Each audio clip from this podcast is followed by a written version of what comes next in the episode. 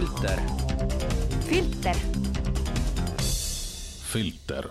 tere, kallid kuulajad, eetris taas kord Filtri saade ja stuudios on Jaan Tepp ja Are Baumer ning täna räägime sellisest huvitavast nähtusest nagu presenteism. presenteism iseenesest ei tulene sõnast presenteerima ega ka mitte esinema, vaid see tuleb ingliskeelsest verbist present ehk meie tänane hetk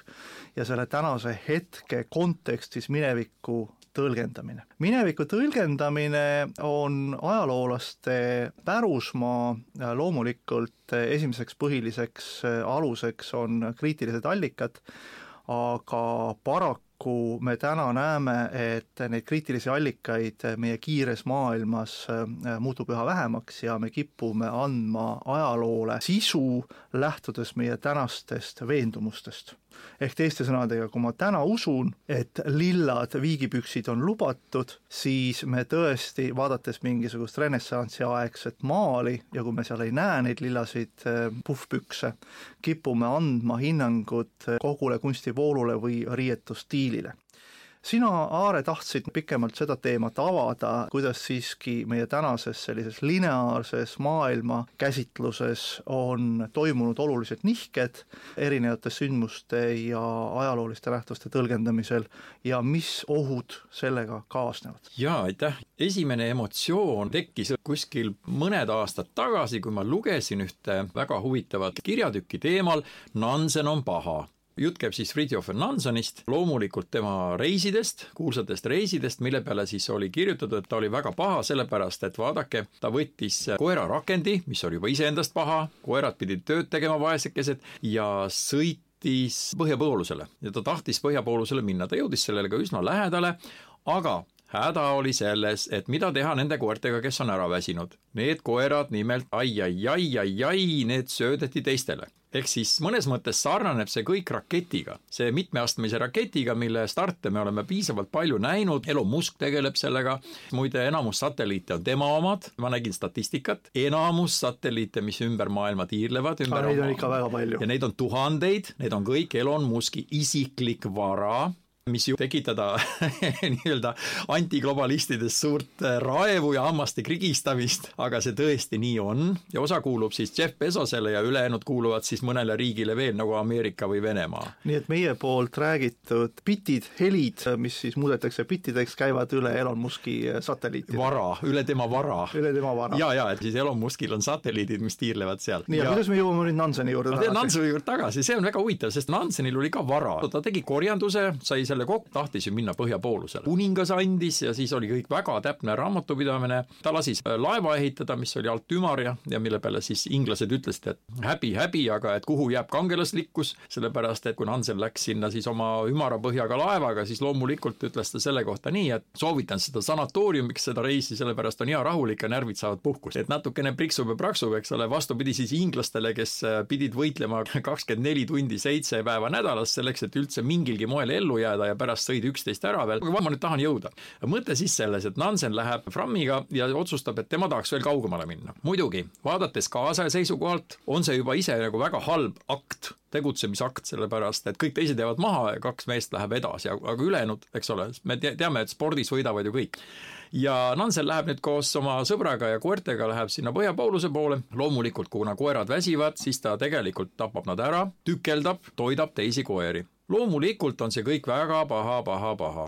aga see on siis sellest vaatenurgast vaadates. presentismi vaatenurgast jah, presentismi vaatenurgast vaadates ongi tegemist sellise olukorraga, kus mingisugune ajalooline sündmus leiab vastukaja ja siis me anname talle, talle arvamuse, lisame arvamuse juurde, öeldes, et see kõik on väga halb. aga miks sa arvad, et see on halb? E, ega mina ei arvanudki niimoodi, ma lugesin seda ja mul tekkis niisugune tunne, et kas kirjutaja ei ole üldse ajalugu õppinud või ei ole talle õpetatud, et ajaloos on erinevad vaatenurgad eri aegadel ja need kinnituvad sellele ajakangale. nii et tegelikult ikkagi on inimene see indiviid mõnes mõttes, kes annab hinnanguid ja me jõuamegi hinnangute juurde ja kui sa siin ennem mainisid Nansenit ja Frammi ja kogu siis põhjapooluse vallutamist, siis täna, kus meil on tänu siis Elon Muskile suures plaanis teada, mis ikkagi meid seal põhjapoolesel ootab, ega seal mitte midagi eriti ei oota. ja me nagu võimegi anda selles suhtes hinnangu, et no küll oli, endal oli nii vähe raha Norra riigil, eks ole, ja siis nad veel ehitavad mingi laeva, tekitavad mingisuguse mõttetu ekspeditsiooni ja, ja söövad veel koerad ka ära.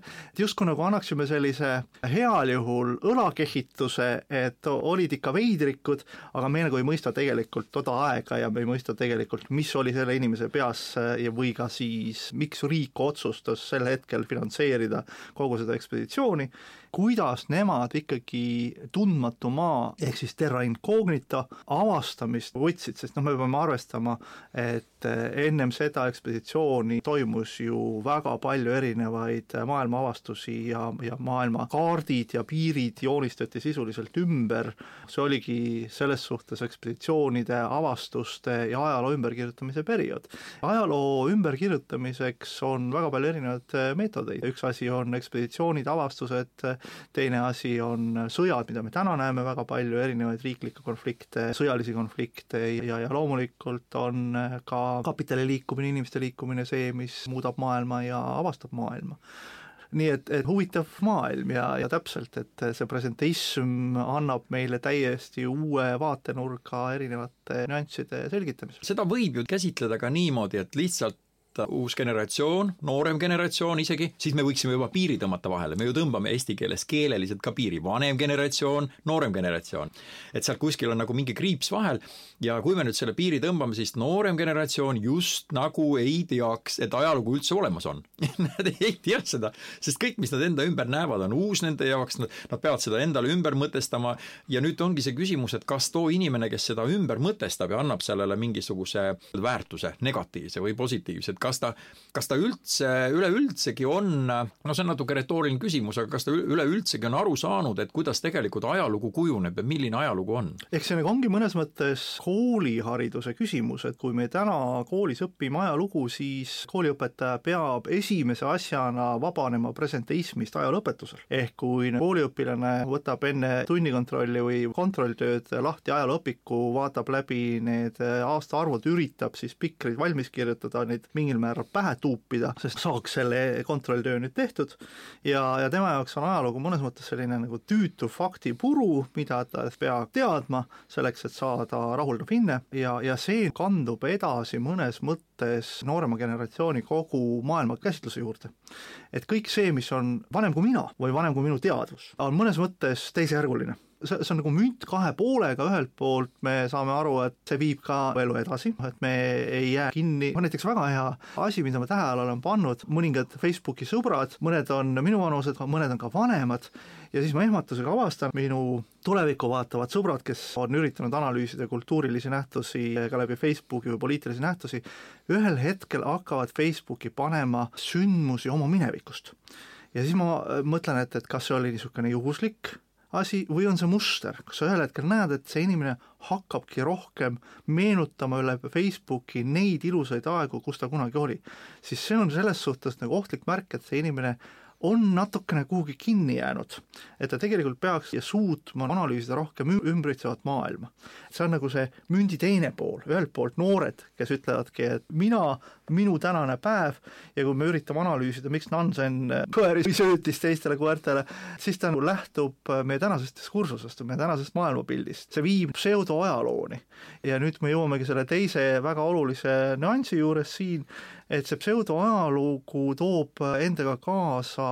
ka erinevate ajalooliste nähtuste väärtõlgendused. äkki sina tahad rääkida sellest võimalikest väärtõlgendustest näiteks Teise maailmasõja kontekstis, erinevate vallutuste kontekstis või ka Napoleoni sõdade no, kontekstis? jaa, et, et sa mulle niimoodi ütlesid, sellepärast et ma lähen natuke kaugemale, ma mäletan oma kooliajast ka, et kui taheti ajalugu ajalooraamatus kirja panna õpilase jaoks, siis loomulikult ma saan sellest õpetajast aru ja sellest raamatu korraldajast, ta tegelikult tõmbas ühe sirgjoone. raamatus on sirgjoon, sa ei saa mingit kõverat tekitada ja selliseid puid, me ütleme ju näiteks, et genis või kuskil mujal, et sul on nagu sugupuu või see puu, kuidas sa oled kasvanud, siis nüüd tekibki vastuolu, et ühelt poolt täiskasvanud inimene puutub vähemasti, ma arvan, korra elus ikka kokku sellega, et kuskil on kellegi sugupuu ja siis nad uurivad ja see on puu. me toome selle sugupuu, näiteks keegi ei ütle sugupõõsas või keegi ei ütle ju sugukriips, umbes niimoodi, et selle peale on kõik kirjas ükskõik, et sugupuu, aga puu on ju meil teada, juured, no tüvi ja siis on oksad ja oksad viivad kõik kuskile ja seal on siis lehed ja viljad. meil tekib kohe selline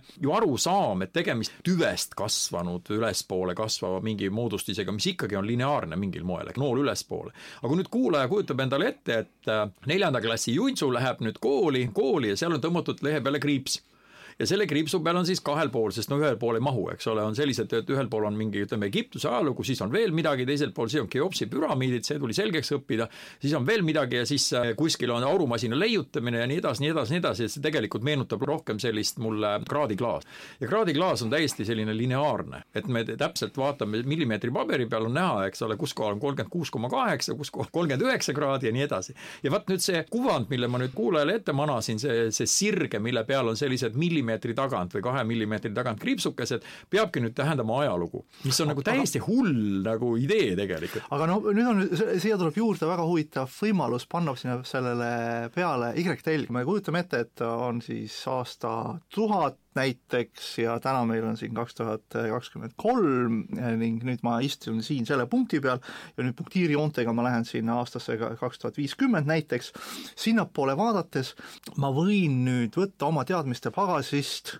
erinevaid detaile ja hakata midagi projitseerima tulevikku, et see võiks olla nii või naa, ja nüüd sõltub see, et kui kaugele minu mälu ulatub aastast kaks tuhat kakskümmend kolm, kas ta ulatub aastani kaks tuhat kolmteist, kaks tuhat kolm, tuhat üheksasada üheksakümmend kolm või kuhugi veel kaugemale. ja nüüd, kui me täna vaatame oma kooliharidust, ehk see on, see on mõnes mõttes, mina olen X-telje peal olev Y-telg. kui me see X-telg on ajalooline, see täpselt see joon, mida sa nagu rääkisid, siis mina olen see Y-telg, et nüüd ongi, et minul on ühelt poolt käsi ulatub ühele poole ja teiselt poolt nina vaatab sinnapoole siis punktiirijoones. ja nüüd on see, et, et minu ümber on siis mingi hulk mingeid märke, mida ma tõlgendan kas ühele poole või teisele poole, mida kehvem on minu haridus ja seda suurem on see minu oht langeda presenteismi, et ma läbi tänaste veendumuste üritan tõlgendada minevikku, aga selle juures on veel üks huvitav nähtus. kui nüüd ma üritaksin olla hea ajaloolane, siis ma üritaksin seda X-telge tegelikult vot siit kahe tuhande kahesaja kahekümne kolmandast aastast nihutadagi näiteks tuhat kaheksasada kakskümmend kolm ja nüüd ei ürita mitte kaasa võtta oma tänast kogemuste pagasit, vaid noh, mida ajaloolased teevadki, miks nad ei tunne nagu kogu ajalugu, vaid nad ütlevadki, et me oleme nagu eksperdid mingis kitsas perioodis, kas siis renessansis, keskajas või isegi ainult Põhjasõda või ainult mingisugune Napoleoni aegsed sõjad, ja siis ta üritab võimalikult palju erinevaid fakte siis kaasa haarata ja üritab läbi nende ajalooliste, ta teeb neid nii-öelda nagu ruum ruumis või siis nagu film filmis, et sul tekib nagu mitu kihti, nagu üritab mõista läbi tolleaegsete ajalooliste lühikese aja sees olevate faktide, miks üks või teine fakt nii juhtus, miks Napoleon näiteks otsustas minna vallutama Egiptust, mida ta sealt tahtis, kogu tema võim oli tegelikult Pariisis, tema võim oli Euroopas, mis asi teda kiskus ühel hetkel sinna Egiptusesse ja lõpus ta kaotas läbi Abukiri lahingu kogu oma mereväe, nii et ta pidi tulema tagasi Pariisi salaja eraisikuna, erariietes ja käis algul siis nuhkimas, milline on tema staatus mõnes mõttes nagu õukonnas ja poliitilises eliidis, ennem kui ta julges uuesti hakata ütlema, ajalugu ümber kirjutama, kusjuures Napoleon oli see, kes kirjutas Abukiri eh, lahingu ümber ja ta näitas seda hoopis teises võtmes, kui see tegelikult nagu toimis. ja see on päris huvitav ja sa räägid ja ma just mõtlen, et kas Napoleon oli üldse kursis sellega, milline näeb välja maakera ja kui suur on Aafrika. et kas ta oli lamemaalane? et, et kas ta sai üldse aru, et kui ta läheb Aafrika sinna põhjarannikule, et see sarnaneb mõnes mõttes Asumi juttudega, kus impeeriumi langemisel siis keegi ütles, et noh, ma olen siin selle päikesesüsteemi valitseja, aga no mine sa tea, kolm päikesesüsteemi, neli, siis võtame viienda ära, ühel hetkel olema kogu galaktika valitseja, seal on, galaktikas tähesüsteem oli umbes, kuidas öelda, miljon. rääkisid Napoleoni ajast ja mina kujutasin endale ette väga lihtsalt jällegi lineaarset telge, ehk siis Napoleon on Põhja-Aafrikas ja samaaegselt meil tööstusrevolutsioon toimib. Ja vaata, tööstusrevolutsioonide puhul, õigemini siis nende viimaste puhul on ju üks selline oluline detail, mis võib-olla erineb seal kuskil aastast tuhat, mingil moel ta ikkagi erineb, on selles, kui sa tahad toota midagi, jah, ja sa tahad saada rikkamaks ehk siis sa tahad rikkust, kasumit nii-öelda, kasumit Marx polnud veel sündinud. Kas oli sündinud, mina isegi ei tea, aga ma käin välja nagu sellega, et Marxi teooria ei olnud veel kirjutatud. ei olnud veel. ja Napoleoni ajal ja nüüd juhtub nagu selline lugu, et äh, näed, ma ise ka ei teadnud, eks ole, väga hea, see on hea näide. ja siis juhtub selline asi, et Napoleon käib ringi, aga tegelikult ju äh, selleks, et ta saaks tulistada ja tal oleks mingid relvad ja tal oleksid laevad, peaksid need olema standardiseeritud ja vaat nüüd tekib see osa, mis, mis inimkonda hakkas mõjutama kaheksateistkümnendal sajandil. ja see standardiseerimine tähendas, et kui sina tahad püssist pauku teha ja neid püsse on näiteks kümme tuhat, kümne tuhandese armeega on täiesti võimalik Euroopat vallutada sellel ajal. ja need peavad korralikult pauku tegema, siis padrunid peavad olema ühesugused torud peavad olema ühtemoodi puuritud ja sellest ei saa üle ega ümber, mis tähendabki seda, et see tehnoloogia juba kaheksateistkümnendal sajandil mõjutas standardiseerimise peale. kui me räägime kuueteistkümnendast sajandist, siis kellameister tegi kella number üks, siis ta tegi kella number kaks, kõik need kellad olid erinevad. ta ei tootnud masstoodangut, ei olnud ja vot masstoodang hakkas arendama just seda filosoofilist arusaama ajaloost ja kui sa nüüd kujutad endale ette, et inimene, kes on harjunud sellega, et kõik kellatiksud on ühepikkused metronoomid näitavad ühte aega, sest on vaja sõita üle terve maakera, tähendab üle ookeanide, igale poole, kell peab näitama ühte aega nii siin kui ka seal. ehk teiste sõnadega, ajaloolased mõnes mõttes viivad tuleviku standardeid, panevad neid standardeid kokku, laenates teadmist minevikust sellepärast et kui me ennem rääkisime siin Frammist ja tema ümmargusest põhjast ja inglased naersid, et, et miks sa lähed ümmarguse põhjaga, sellepärast et sa ju liigud nii aeglaselt, arvestamata seda, et sügava kiiluga laev lihtsalt ei olekski läbi selle jääpudru korralikult saanud, et see pidigi olema innovaatiline ja. lähenemine laeva kujule. ja samamoodi ajaloolased ja teadurid laenavad parimaid praktikaid minevikust. ja nüüd küsimus on see, et kui kaugele need praktikad lähevad, ehk me mõnes mõttes räägime sellisest ajaloo lõimest, mis on tegelikult väga nähtamatu, me koolihariduse raames ei saa üldse sellest aru, et ajaloo käik ja meie aeg, mida me oleme harjunud X-telje peal rindama, on tegelikult lõimeline. Ei ole õhukene transparentne joon, vaid ta on väga kurruline, lõimeline, üsna jäme selle jämeduse mitmekesisus tulenebki välja täpselt sellest kultuuri ja hariduse mõistmisest. kui me täna läheme kooliharidust omandama ja me ei saa sellest aru, et miks meile pähe taotakse mingisuguseid siinuseid ja tangentseid, siis see on tegelikult täpselt see nii-öelda nagu jämeda kultuurilõime üks detail, fakt, mille pinnalt ma saan hakata edasi dedukteerima või tuletama vajalikke teaduslikke avastusi tuleviku jaoks. selles suhtes selline ajaloo lõime ja teiselt poolt utilitaristliku maailmavaate konflikt, et noh, mida me räägimegi siin selline presentismi näol, et me kõike üritame mõista läbi ainult tänase ajahetke ja siis me peame toomagi näiteks sellise väga lühiajalise eesmärgi saavutada edu läbi rikkuse, noh me ütlesimegi, et, et see varandusrikkus, et siis me peame rääkima näiteks sellisest kultuurilisest fenomenist nagu Schwarzeneggerist, kes oli iseenesest, me kõik teame, kes oli Schwarzenegger, aga ütleme nii, et keegi ei kujuta, kui hakata väga kiirelt küsima, et, et kes on Schwarzenegger, öeldakse, et ta on üks mingisugune musklimees, et on see paar lauset, mida teatakse tema kohta, et I will be back ja, ja see, et tal olid alati suured kuulipildujad kaelas ja ta muudkui täristas. mida tegelikult ei teata, on see, et kui palju üks inimene on teinud tööd selleks, et jõuda sinna, kus ta on ja sisuliselt me anname meedia poolt kujundatud pildi põhjal hinnangut kogu kulturismile tervikuna. see on nüüd selles suhtes küll väga huvitav nähtus. mis puudutab seda Arnoldi osa, siis see nähtus jah, niisugusel kujul lõi ju välja, nagu ta isegi ütleb oma raamatus, et ühe õhtu show, mis meil on siin, ütleme, Kanal kahest tuleb ja TV3-st tulevad õhtunaljad, tegelikult on see ajaloos olemas, et teda kutsuti ühele õhtule ja siis saatejuht ei jätnud mitte ütlemata seda, et issand küll, sa isegi räägid.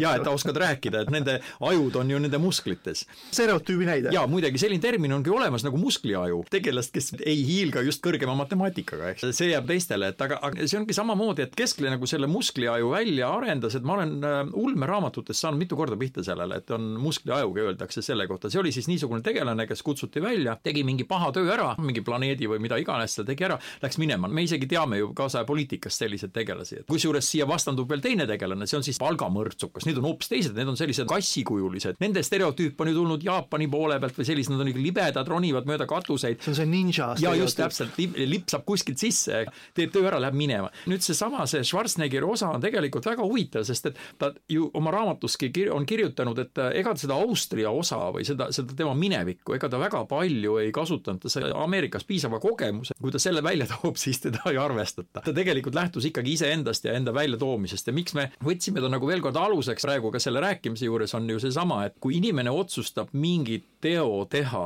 ja ta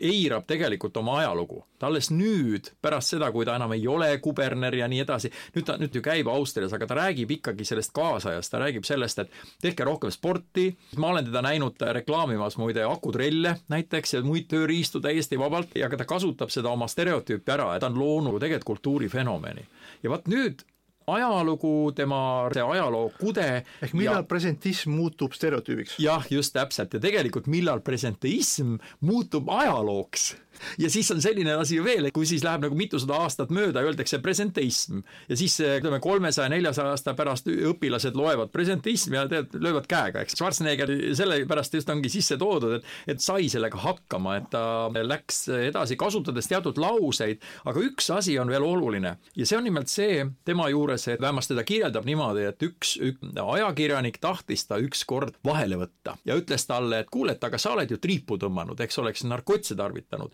mille peale ta siis ütles, jaa, aga see oli üks vahva aeg. ja, ja sealt ei saanud enam edasi, sellepärast et see oligi vahva aeg. ja nüüd ma tahaks pöörata sinu tähelepanu ühele sellisele sündmusele, mida ma arvan, Eestis eriti ei teata kas sina tead diskomässust midagi? ja ütlegi kohe nii, et mida sina tead diskomässust? põgusalt olen kuulnud mingisugusest kriketimatšist ja, ja siis mingisugune muusik kutsuti siin kahe matši vahel muusikat tegema ja tema vist kas põletas mingisuguseid vinüülplaate või midagi sellist, aga midagi täpsemat ma sellest ei tea. millal see toimus? kas oli seitsmekümnendad? Ja, ja vaata, see oli väike üllatus sulle, selles mõttes, et see toimus kaheteistkümnendal juulil tuhat üheksasada seitsekümmend üheksa mis oli see mõte? nimelt, kui sa vaatad tagasi ja mina vaatan praegu üsna põhjalikult kultuurianalüüsi seisukohalt seitsmekümnendate aastate diskot ja diskomuusikaid ja kõiki neid salvestusi. ütleme, me ju teame, mina olen eestlane ja, ja Eesti oli raud eesriide taga ja diskomuusika läheb minul kokku ikkagi, ma ütleks, minu lemmiklugu on äh, Boney M-i Sunny see sisaldab kogu minu sellist agendat. see, see aeg oli see, ma olin kooli lõpetanud, isegi ABBA on okei okay,, aga Sunny on just see see lugu. see see lugu suure tähega, S, eks ole, ja L tähendab see lugu. see sisaldab kogu minu noorpõlve, nooruse sellist agendat ja nüüd see mõte on kui sa kujutad ette seda lugu ja neid teisi seal ümber, siis ma avastasin ühe asja, mida mina ei olnud teadnud. Ja see on alles mingi, ütleme niimoodi aasta kaks-kolm tagasi, et kui ma vaatasin neid videosid üle, siis seitsmekümnendate alguse disko oli hoopis erinev sellest, mida mina tean diskona disko oli hoopis midagi muud, see oli niisugune tampimine ühelt jalalt teisele. Ja seal võisid igasuguseid kehavingerdusi veel teha, aga see kõik see, see osa, mida sa näed, kui sa nüüd lähed nüüd Youtube'i võtad lahti seitsmekümne seitsmenda aasta mingid diskosaated, siis see mõnes mõttes on väga naljakas meile, see on seitsekümmend kuus, seitsekümmend seitse, öeldaksegi, et disko suri ära ja vaat see on nüüd ajalookangas samamoodi, disko suri sellepärast kaheksakümnendate aastate disko oli tegelikult juba sequencerid, muusikad, kas sa võtad tõsiselt klahvimeest, kellel on konnajalad ja väikesed nahkhiire tiivad? See ei ole ju tõde. me peame vaatama jällegi X-teljel, kõigepealt alustama Beatlesitest, Beatlesite tulekuga. Samaaegselt me peame rääkima Elvisest fenomenist, kuigi me räägime siin täiesti erinevatest kontinentidest ja täiesti erinevast kultuuri mõistmisest nende kontinentide kontekstis, siiski,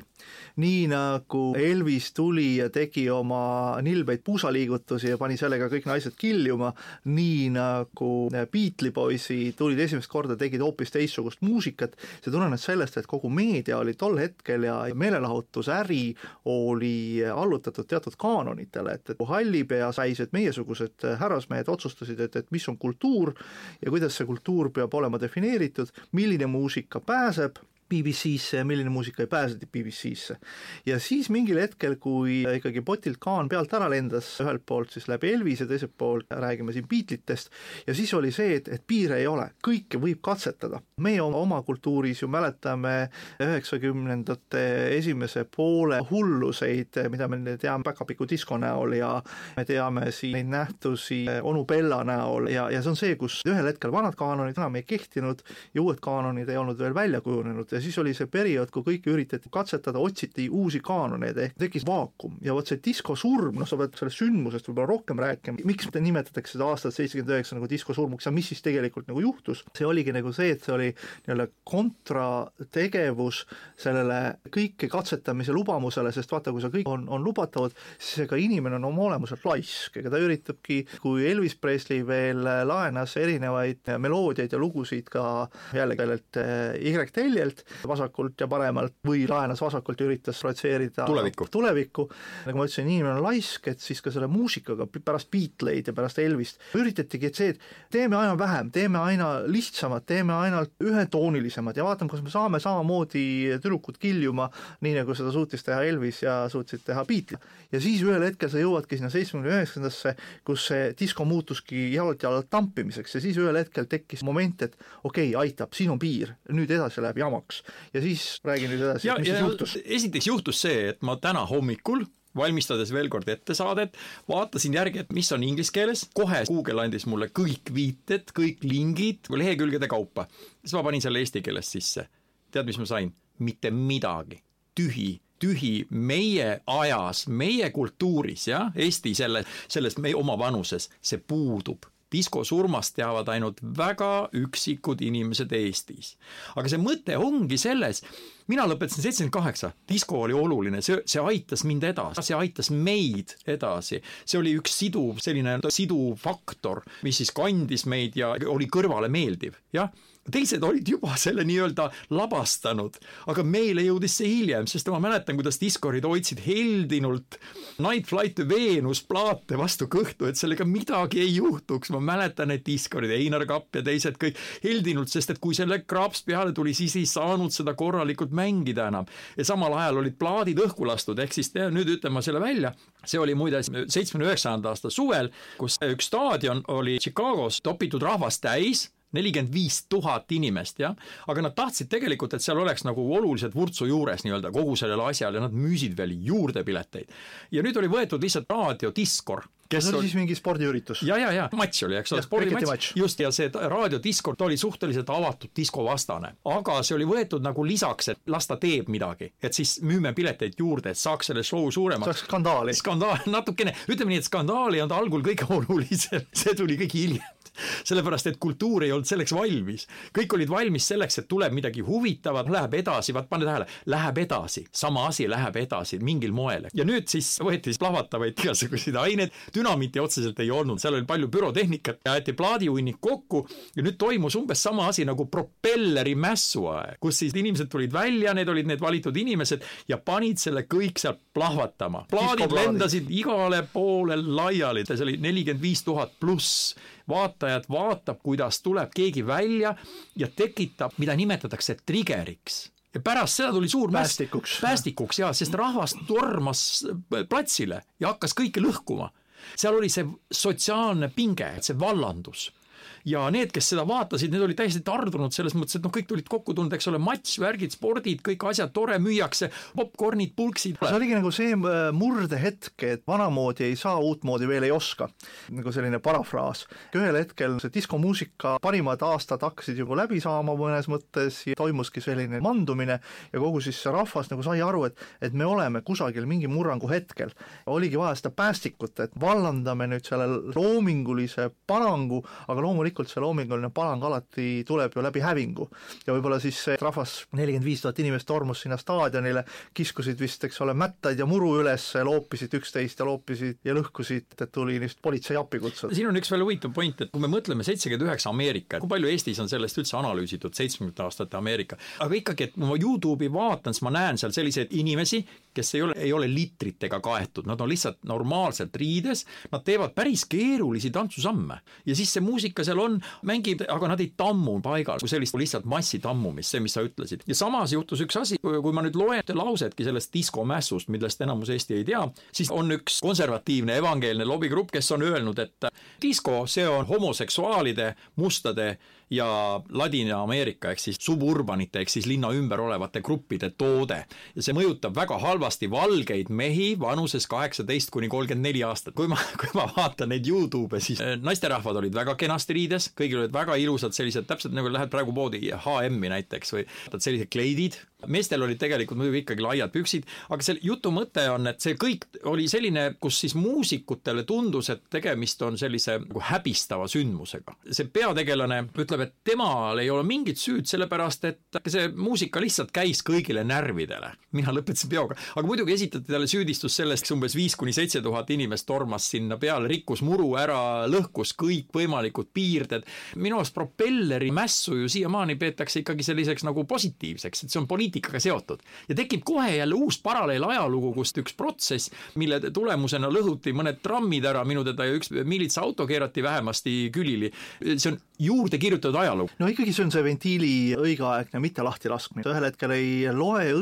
õieti ajaloolisi märke, hea poliitik, kui ta ikkagi on otsustaja me peame siin eristama tegevpoliitikut ja ametnikku. ühel hetkel peab ka ametnik endale teatama, et ka temal peab olema sellist poliitilist mõtlemist, kui me ütleme, et poliitik on see, kes mõtleb poliitiliselt, peabki andma hinnanguid ja vastavalt tegutsema, võtma vastu erinevaid seaduseid, siis ametnik peab ka mõtlema samamoodi nagu poliitik, et poliitik ütleb välja, siis ametnik paneb paberile. aga ka see, kui ta paneb midagi paberile, siis ta paneb selle läbi teatud nagu filtri. aga kui me räägime siin propellerist või räägime sellest samast seitsmekümne üheksanda aasta diskosurma üritusest, üritusest, sellest plahvatusest, kus inimesed tulid ja, ja hakkasid möllama ühel hetkel, siis see oligi see ventiil, ehk õigel ajal ei suudetud seda timmida, ehk poliitikud ei teinud oma tööd, ametnikud ei teinud oma tööd, nad ei suud-, suutnud lugeda märke, nad ei lugenud ajaloo märke. kui me vaatame ka erinevaid konflikte, ka sõjalisi konflikte, täna me saame ju rääkida endiselt Ukrainast ja saame rääkida endiselt nüüd uuesti Lähis-Ida ehk Iisraeli ja, ja Palestiina konfliktist, siis taaskord mina sellise ajaloo jälgijana küsin, et et kus olid need poliitikud, kes pidid seda ette nägema, mina olin noor riigiametnik, seitsekümmend kuus kuni kaks tuhat üks, kui ma olin Lennart Meri nõunik välisosakonnas ja üritasime väga aktiivselt saada nii NATO-sse kui Euroopa Liitu. Ja me arutasime ka oma välispartneritega NATO püüdlusi. Ja ma mäletan ühte Välisministeeriumi sidustuskoosolekut, kus üks, üks lauaohvitser ütles väga huvitava lause välja me peame olema julgemad NATO liikmelisuseks taotlemiseks, sest kui me hindame ajalugu, siis meie suurel idanaabril on tunduvalt suurem selline alaväärsuskompleks Ukraina suunas kui Baltikumi suunas, et Baltikum on olnud alati imelik, ta on olnud alati veider, pigem meil on selline stigmatiseeritus küljes ja pigem ka selline praktiline hinnang, meil ei ole mõtet raisata küünemusta selle mõttetu pisikese kolme riigi jaoks, et meie suur alaväärsuskompleks on Ukraina kaotamine. ehk Vene valdav mõttemall ei tule ennem lahendama Baltikumi probleemi, kui ta ei ole ära lahendanud Ukraina probleemi. ja see jooksis läbi poliitiliste mõtlejate või, või siis, kui siis Välisministeeriumi kõrgete ametnike mõttemallist aasta aasta oli siis üheksakümmend kaheksa, üheksakümmend üheksa ja kaks tuhat. vaata kui huvitav, et sa, sina rääkisid praegu sellest nii-öelda ajaloolisest osast, jah, sellest äh, NATO ja Ukraina ja mina ikkagi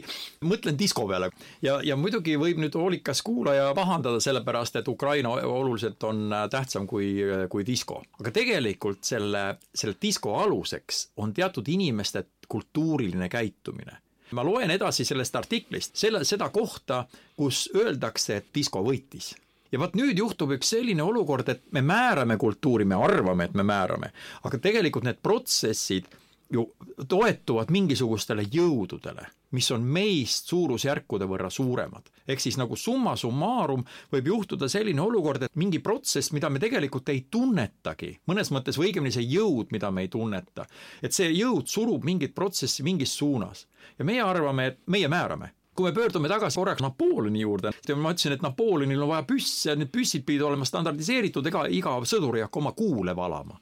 ja see, see standardiseeritus, mis üheksateistkümnendal sajandil leidis lõpuks lahenduse masstootmises. et see masstootmine, see, et me toodame inimestele süüa, toit peab olema ühesugune, sa kujutad endale ette, sa lähed Selverisse või Prismasse ja iga asi on eraldi ja keegi ei vastuta, sellepärast et vastutab õigemini tootja, aga ütles, et noh, selle potsikuga läks edasi, eks ole, vabandust.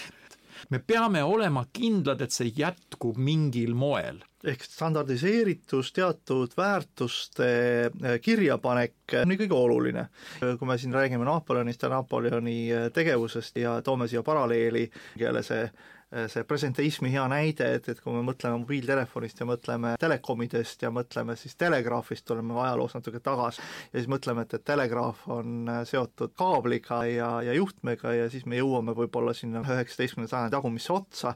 aga tegelikult oli Napoleon see, kes oli esimese telegraafi väljamõtleja, tema telegraaf ei olnud küll seotud kaablitega, vaid äh, tema oli selline riigijuht, kes tegi katse-eksituse meetodil peegelsüsteemi esimesena, pani postid püsti teatud vahemaaga, vahemaade taha, kasutas sõnumite edastamist, nii nagu pärismaalased kunagi seda tegid lõketega, et ühe süütamisega anti edasi järgmisele lõkkevennale mingi signaal, kes pani järgmise lõkke üles ja nii edasi ja nii edasi, ta oli ka Napoleon see, kes esimesed telegraafi postid tegi ja pani eh, siis Euroopas ja Prantsusmaal üles ja andis sõnumeid läbi valgusmärkide. ja alles tükk aega hiljem me jõuame, sina tead täpsemalt, kuidas, millal ikkagi see esimesed raadioside lainete edastamine reaalselt hakkas toimuma mit-, mitusada aastat hiljem. et ka seal mõnes mõttes juba jõuti sõnumite edastamise standardiseerimise juurde, et see on võimalik ja nüüd need, kes ühel hetkel hakkasidki juba raadiolainetega tegelema, võtsid ikkagi üle need teatud postisüsteemid, kõrguse mõõtühikud, nii see teadmine nagu edasi meile antakse. ma olen nagu natukene, ma ütleks, kleepunud selle disko artikli külge, sest ma olen siin mõned laused veel punaseks teinud, ma ütleks, et need, mis kõik haagivad väga hästi. väga hästi sellega, nimelt on äh, kirjutatud üks lause, mis jõudnud väga kaugele, ongi selle aluseks, mille, millest lähtutakse kultuurivoogudes, selle nimi on Disco is a sound of consumption. Ehk siis disko on tarbijamuusika ikka. kui me võtame tarbija, ma pöördun veel kord sama teema juurde tagasi, et me oleme tegelikult väga õnnelikud, et meil on täpselt kolm koma viis grammi mingisugust pähklit kuskil mingis kotikeses, mille me siis ostame ja toidu peale riivime, ta on kile sees, ta on pakitud ja tal ei ole hallitust küljes. vaat see tarbijaühiskond, seesama, et ta ütles, et postid, milleks postid olid vajalikud, minule meeldib Monte Cristo filmi vaadata, kuuekümnendate aastate filmi, see on niivõrd hea, seal on nii puhtad, kõik need välja toodud, pahad saavad lõpuks peksa, hea võida, kõik see melodraama sinna juurde, kõik, kes kellega, eks, aga samas oli see see mõte ju selles, et nii et nad pahad said karistada ja siis see hea, kes oli algul saanud karistada, see võitis. ka see on ju stereotüüp ja siit me jõuame võib-olla ühe sellise teema juurde, nüüd ma diskost. ära veel hüppa ära, mul on veel ka mõned mõtted. siis ütle. kujutagem nüüd ette seda üritust, kus lastakse siis need plaadid õhku ja kogu see nelikümmend viis tuhat. üle neljakümne viie tuhande. kümme tuhat nendest jooksis võib-olla platsile, hakkasid märatsema, eks ole, ega need kõik nelikümmend viis tuhat ei märatsenud seal. jällegi, et eh, mõnes mõttes see mingi jõud ja protest, me inimloomuses me üritame alati viha alla surutada, et ära vihastu, ära vihastu, sul vererõhk tõuseb, ära vihastu. aga samas, kui me nüüd mõtleme puht psühhosomaatiliselt, et vihastumine on ju mõnes mõttes selline energiapaise kuhugi, eks ole, kellegi suunas, kelle osas me nagu vihastame või kui ma vihastan poliitikute peale või nii, nagu seal disko hetkel nad, oli see protest ja see energiapaisena, mis küll oli suunatud siis lõhkumise ja hävitamise suunal, aga nüüd me paneme jällegi siis selle ajatelje peale, et ühelt poolt on meil nullpunkt, siis on meil punktiirium tulevikku ja siis on meil minevikusuunaline joon. Ja nüüd ma ütlengi, et see nullpunkt on see tänane hetk, kus me oleme, on kõige olulisem.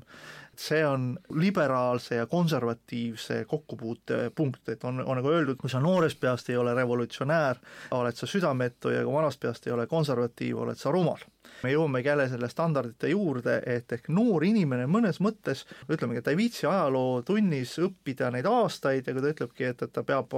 eksamil vastama, et mis aastal toimus Abukiri lahing, siis võib-olla tuleb meelde, võib-olla ei tule meelde, aga ta ei anna sellele mingit sisemist tähendust, et ta paneb selle numbri paberile või vastab ära, unustab ära, läheb välja vutti tagumisele, tema jaoks on see lühikene nullpunkt ja see energiapaise on oluline. ehk mõnes mõttes nemad on need, kes viivad siis seda elu edasi. ja nüüd on, ongi see, et, et sellel teljel, mis hetkel ongi, sa ennem ütlesid seitseteist kuni kolmkümmend neli oli, öeldi, et valged mehed, need on kõige mõjutatavad. kõige mõjutatavad, eks, et seitseteist kuni kolmkümmend neli, et kas see kolmkümmend neli on mingil määral selle nagu Kristuse iga? väga huvitav, väga huvitav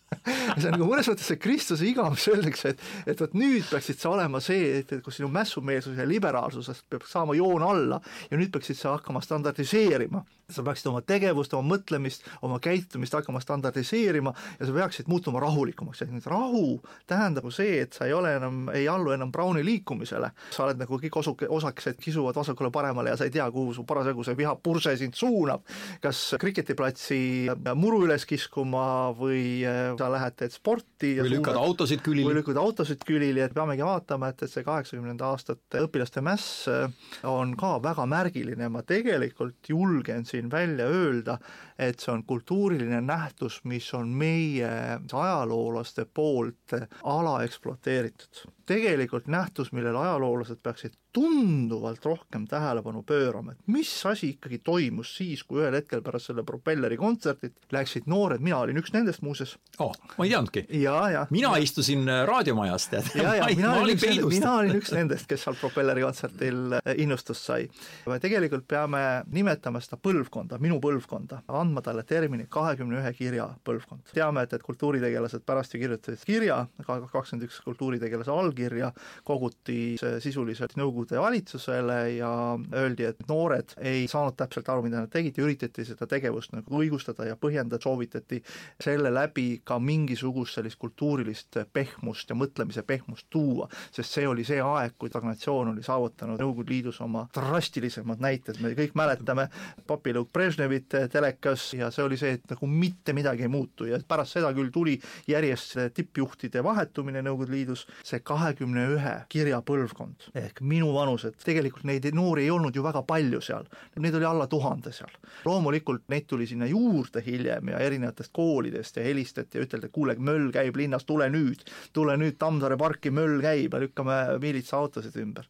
Ja ega mina mäletan ka ainult seda, et mul oli ainult see viha, protest, aga kust kohas mina teadsin noore viieteistaastase poisina sel hetkel, et on, on mingisugune murrang. Ehk see ongi see, et mitte midagi ei muutunud, oli täielik stagnatsioon. Ja nüüd meie noortena tajusimegi seda, et sellele stagnatsioonile tuleb hakata vastu. me peame nüüd ühel hetkel nendele standardiseerijatele ütlema, et te olete oma standarditega läinud liiga kaugele. ma lisaks siia juurde nüüd luban sulle sellest disko artiklist viimase lause, mis on lõplik kokkuvõte, sellest on niisugune, et disko kui äh, spetsiaalne fenomen selline konsumerismi fenomen tõepoolest kollapseerus, ehk siis ta kadus ära, tähendab selliste, noh, kui sa praegu selliste riietega ringi käid, siis kõik vaatavad, et noh, vabandust, eks ole, et kas sa lähed nagu kostüümipeole. aga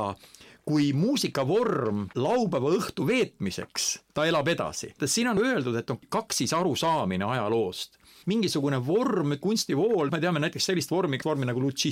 on ludiite. ja, ja eelmise sajandi alguses tekkis uus kunstivorm lutsism, mis siis kirjeldas kõiki asju läbi valguskiirte see on tegelikult hästi vana, eks ole, aga see siis viidi lõuendile, siis see sündmus ise, vaat seesama protsess, et inimene loob midagi ja siis ta naudib midagi ja ta on ikkagi tarbija, standardi tarbija. vaat seesama, mis sa ütlesid, et, et võib-olla standard liiga peeneks tehtud, liiga täpseks tehtud, seda võid, seda ei või, seda võid, me teame Nõukogude aega, jah. aga nüüd ma teen sulle väikse üllatuse. väike üllatus on siis selline. nimelt on välja antud üks raamat, õigemini öeldes üks äh, töö, mille nimi on ajaloolise aja kude ja selle on siis välja andnud Zoltan Boldisar Simon Bielefeldi ülikoolist ja Marek Tamm Tallinna Ülikoolist. see on hästi põhjalik töö sellest, kuidas on erinevad ajalood ja mismoodi inimesed neid omavahel üldse mõtestavad, kuidas nad üldse aru saavad erinevast ajaloost. sa algul käisid üsna, meie jutu algul käisid välja aastat tuhat kui me kirjeldame Eesti ajalugu, siis palun vabandust kõigi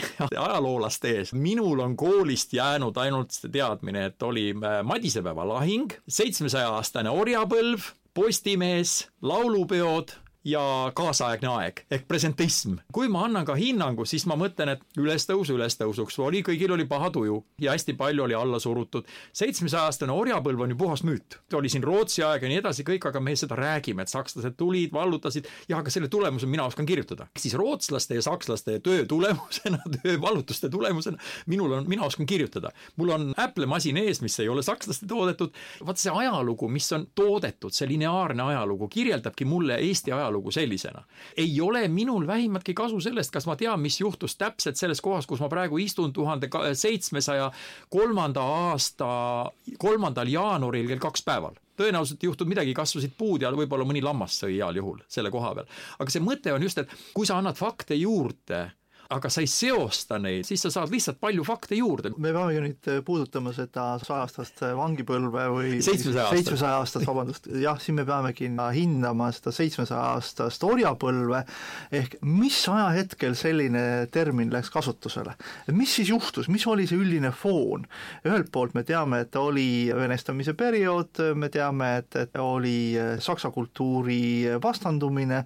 teiselt poolt Eesti eneseteadvuse tõusuaeg ja nüüd oli see narratiiv kasulik, see oli meile kasulik, et me täpselt samamoodi distantseerume endisest ja me otsime uut, et me olime nagu nullpunkt, ehk selle orjapõlve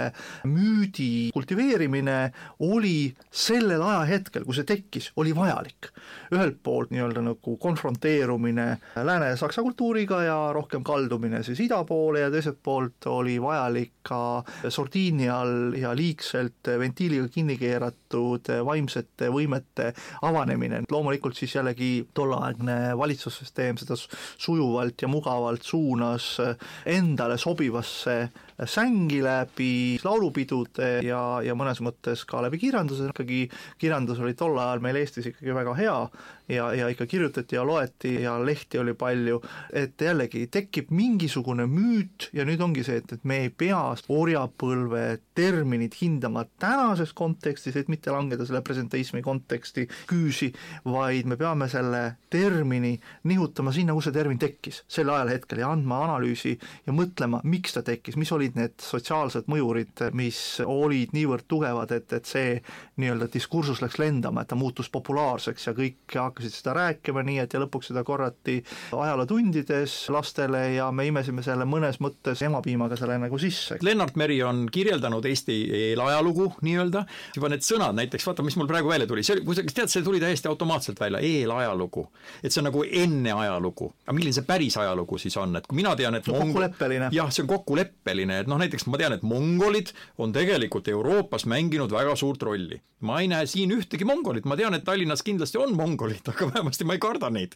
aga kui sa hakkad mõtlema ajaloos, nad vallutasid kõik, mis see nende eesmärk siis oli? tulid lihtsalt ja vallutama läksid ära, et see ei ole üldse halvasti aga loomulikult nad lõid kõik maha, tekitasid palju valu ja nii edasi, kõik ja kadusid areenilt, nad on kadunud areenilt mingil põhjusel.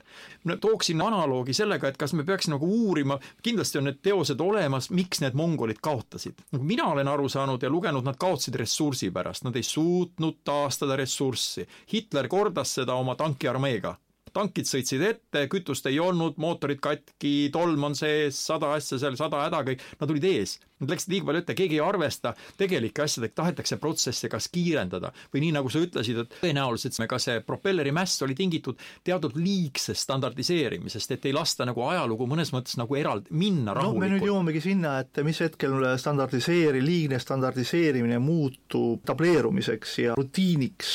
ja ma toon siia ühe sellise paralleeli, et kui ähm, IRA Inglismaal tegi oma kuritegusid ja, ja külvas äratas suurt hirmu, tehti avalik küsitlus brittide seas, et ähm, kas nad oleksid nõus sellega, kui igasse kvartalisse tuleks üks lisakonstaabel, aga et see eeldab siis maksutõusu, sellepärast et siis suurenevad Scotland Yardi tuleb finantseerida, aga selle eest me tagame mõne parima turvalisuse. viidi läbi rahvahääletus ja rahvas hääletas selle maha. Rahvas hääletas selle maha, mis põhjusel, nad ütlesid, et, et me pigem äh, oleme valmis saama pätilt vastu nina aga me tahame säilitada oma illusoorse vabaduse, et me ei taha jõuda mõnes mõttes politseiriiki, et see oli nagu oht politseiriigile. ja nüüd mõtleme, kus me täna nagu oleme. Et kui sa vaatad erinevaid äh, krimifilme või krimiseriaale, siis alati igas krimiseriaalis tuleb välja CCTV küsimus. et kas CCTV tähendab siis kaamerat, eks ole, siis tänavakaamerad. et oi, et me ei saa seda kuritegu lahendada sellepärast, et see kaamera ei ulatunud sinna, seda kaamerat ei olnud siin või see kaamera oli rikutud või mingi kolmas-neljas teema, ehk nagu kogu aeg on nagu rõhutud seda, et me tegelikult peaksime rohkem nägema, riik peaks rohkem nägema, siis me suudame paremini paremini lahendada neid kuritegusid, olgu selleks siis ringi rändav mongol või olgu selleks siis IRA kurjategija, kes kusagil pubis õlut joob ja kohvris on tal pomm, me peame nagu varakult need kätte saama ja toome selle paralleeli täna nüüd siis Iisraeli ja, ja Hamasi konflikti, et kuidas siis Iisraeli kõige parem luureteenistus ühel hetkel magas maha kõik selle Hamasi poolt plaanitud terroriakti ja see on aga nagu selles suhtes märgiline, et kas ka selles ühiskonnas ühel hetkel on aru saadud, et see liigne kontroll või liigne CCTV ja, ja kaamerate kultuur on see kõige parem ja aga kui ta oleks olnud, siis oleks jälle see kuritegu jäänud olemata. nii et me oleme mõnes mõttes nagu dilemma ees, kas me tahame nii-öelda liigselt standardiseerida, standardiseerimine tähendabki see, et mõnes mõttes nimetame seda, et on, on siis kultuurinähtus, on siis äh, reglementeeritud kultuur, mõõdetud kultuur, standardiseeritud kultuur ja siis on siis see disko seal kõrval. Või siis punk või siis onu Bella, kes on nendest raamidest väljas, onu Bella näiteks ei oleks saanud BBC-sse, kuna ta ole, oleks olnud deviantne, noh, kasutame sellist terminit, deviantne, kõrvalekalduv. ja nüüd, mida riik teeb? no ühel hetkel, kui need eh, on piirid selged, siis eh, BBC toimetab täpselt selle, selle määratletud kultuurikaanonite ja standardiseeritud kultuurikaanonite sees ja onu Bella ei oleks saanud kunagi eh, suurt eetrit. ja mida siis nagu ühel hetkel, kui sa näed, et onu Bella ümber tekib oma subkultuur, ja subkultuuriline nähtus kasvab liiga suureks, mida riik teeb? ta nihutab piire, ta nihutab piire nii, et see subkultuuriline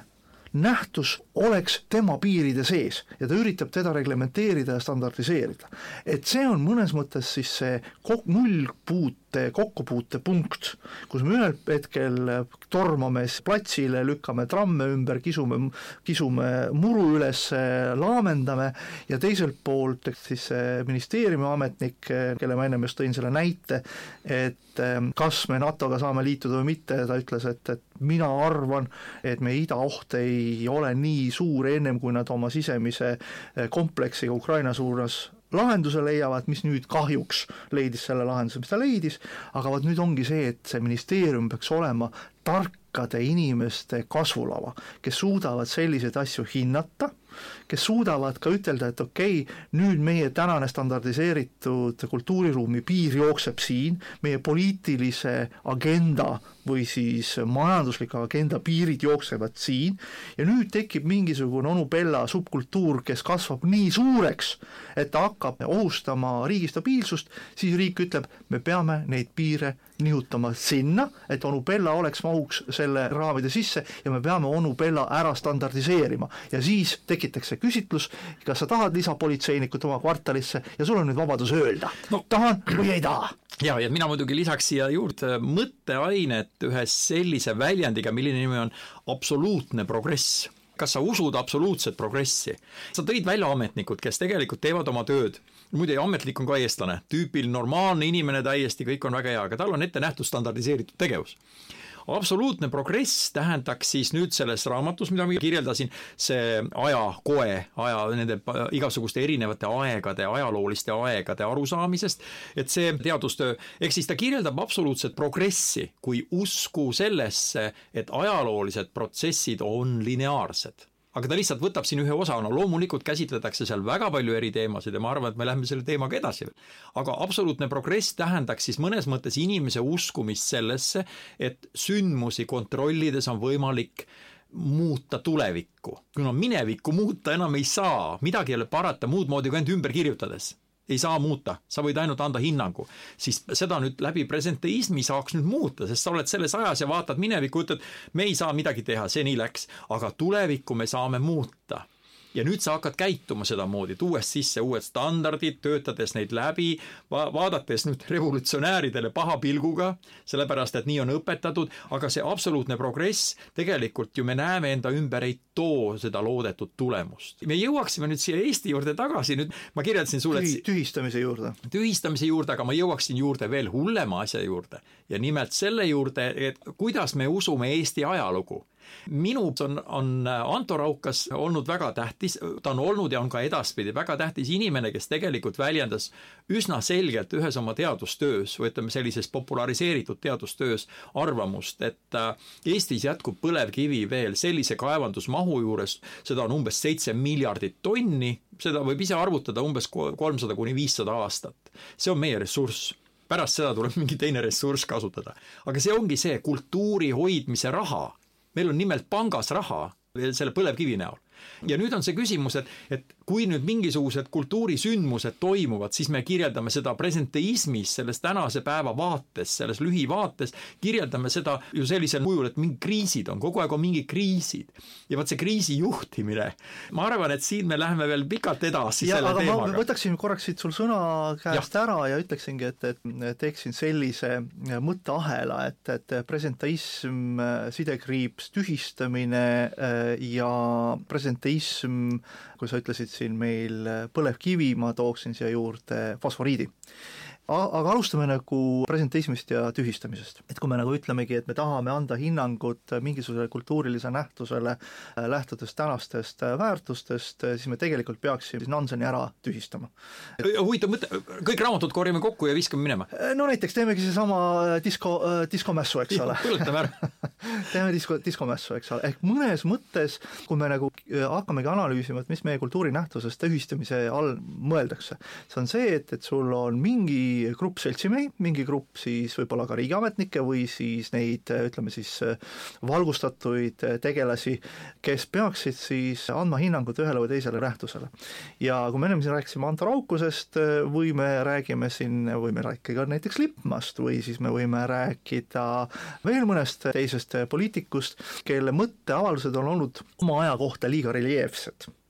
ja kus on see reljeefsus võib-olla ei sobi võib-olla antud diskursusega tänasel ajahetkel, et ta on liiga erinev, siis me kipume andma talle hinnangut, et ta oli ikka üks vale mees ja kui nüüd see mõte sellest, et ta oli ikka üks vale mees ja ta mõtted olid valed, võtame Gustav Naani näite, väga hea näide et siis täna Gustav Naan on selles suhtes klassikalises mõttes äh, absoluutselt tühistatud meil. Äh, ma jällegi ütleksin, et Gustav Naan oli väga huvitav ja mitmekülgne mõtleja, aga me peame arvestama, et, et tema nüüd see ajalooline pagas sellel XY teljel oli, äh, see tema nullpunkt oligi täpselt seal, kus ta oli, ta oli oma ajastu laps,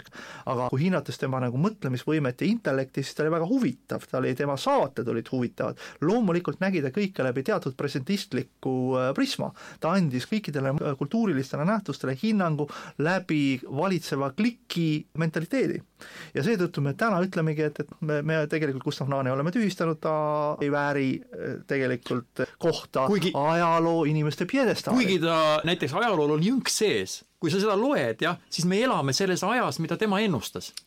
mõnes no, mõttes küll, mõnes mõttes küll. nii et, et selles suhtes me, mis ongi selle äh, presenteismi oht, ongi, et me kipume unustama ära, et me ei saa anda hinnanguid inimesele või inimese tegusid äh, nullpunktist lähtudes, vaid me peame vaatama, kuskohast tema, mis, mis olid need, need argumendid või need äh, motivatsiooni alged, miks ta on ühte asja teinud nii või teisiti ja proovime seda mõista, mitte see, et, et tühistame Nanseni selle tõttu, et ta söötis oma nõrkunud koeri teistele koertele, lähtudes sellest tänapäevasest äh, looduskaitse ja loomakaitse seadust. see ületaks kõik uudistekünnised. just nii, ja, ja nüüd äh, teine siis paralleel äh, siin, siinjuures on ka see, et me oleme ka siin nüüd novembris, kus meil on siis hingedepäev, kuidas me tegelikult täna nüüd seda hingedepäeva vaatame, et, et kas, mis presentistlikust kontekstist, kuidas me seda aru saame, et kas hingedepäev on sama, mis on Halloween, kas Halloween on sama, mis on mardisandid, see on väga huvitav teema, kas me jätkame jätkame seda tänases saates. Või mitte, tõenäoliselt me jätame selle teema järgmiseks korraks, aga sa tahad midagi öelda? ma tahan öelda veel seda, et ma lugesin ühte ajalooraamatut, kus oli öeldud, see, see võib olla vale, nimelt on üks sari eesti keeles välja antud, Kes ka inimene, jah, ja seal on öeldud hingedepäev kutsuti ellu. Cluny kloostri vanema. Kes ütles, et meie ei jõua, meil tuleb hulka kasulikum kõikide eestpalved korjata ühe päeva peale kokku. mina nimetan seda konsumerismiks, see on rentaabel. sa lihtsalt ühe päeva kutsud kokku kõik need eestpalved, kelle, kelle eest sulle makstakse. Ja teed ühe suure festivali, eks ole, see on siis selline hingedepäev ja aga kui ma seda standardiseeriti ära, eestpalved standardiseeriti ära. jaa, ma ei uskunud oma silmi, loomulikult mul ei ole midagi selle vastu, aga et lihtsalt meie, kui me hakkame rääkima, ma olen proovinud inimestega rääkides, nad ütlevad kõik, et see on seotud november, kõik pime, kole, eks ole, mis mõttes, kust see november tuli, kas ei või seda siis nagu maikuus teha või? ja siis ma loen, see on Cluny kloostri vanema poolt paika pandud, et saaks kõik need ära teha. läbi liturgilise reeglistiku just. võtame siis oma saate siin kokku, et äh, täna siis proovisimegi filtreerida ajaloo telge ja nullpunkti ehk siis energiapurskeid ja noorte liikumist uute muutuste suunas ja siis meiesuguste vanemate härrasmeeste katset kõike standardiseerida, mis ohud sellega nagu kaasnevad. loodame, et kuulajatel oli huvitav, meil igatahes oli. aga saates olid siis Jaan Tepp ja Aare Baumer. ja järgmine kord hakkame ajaloo kangasse uusi auke puurima. teeme nii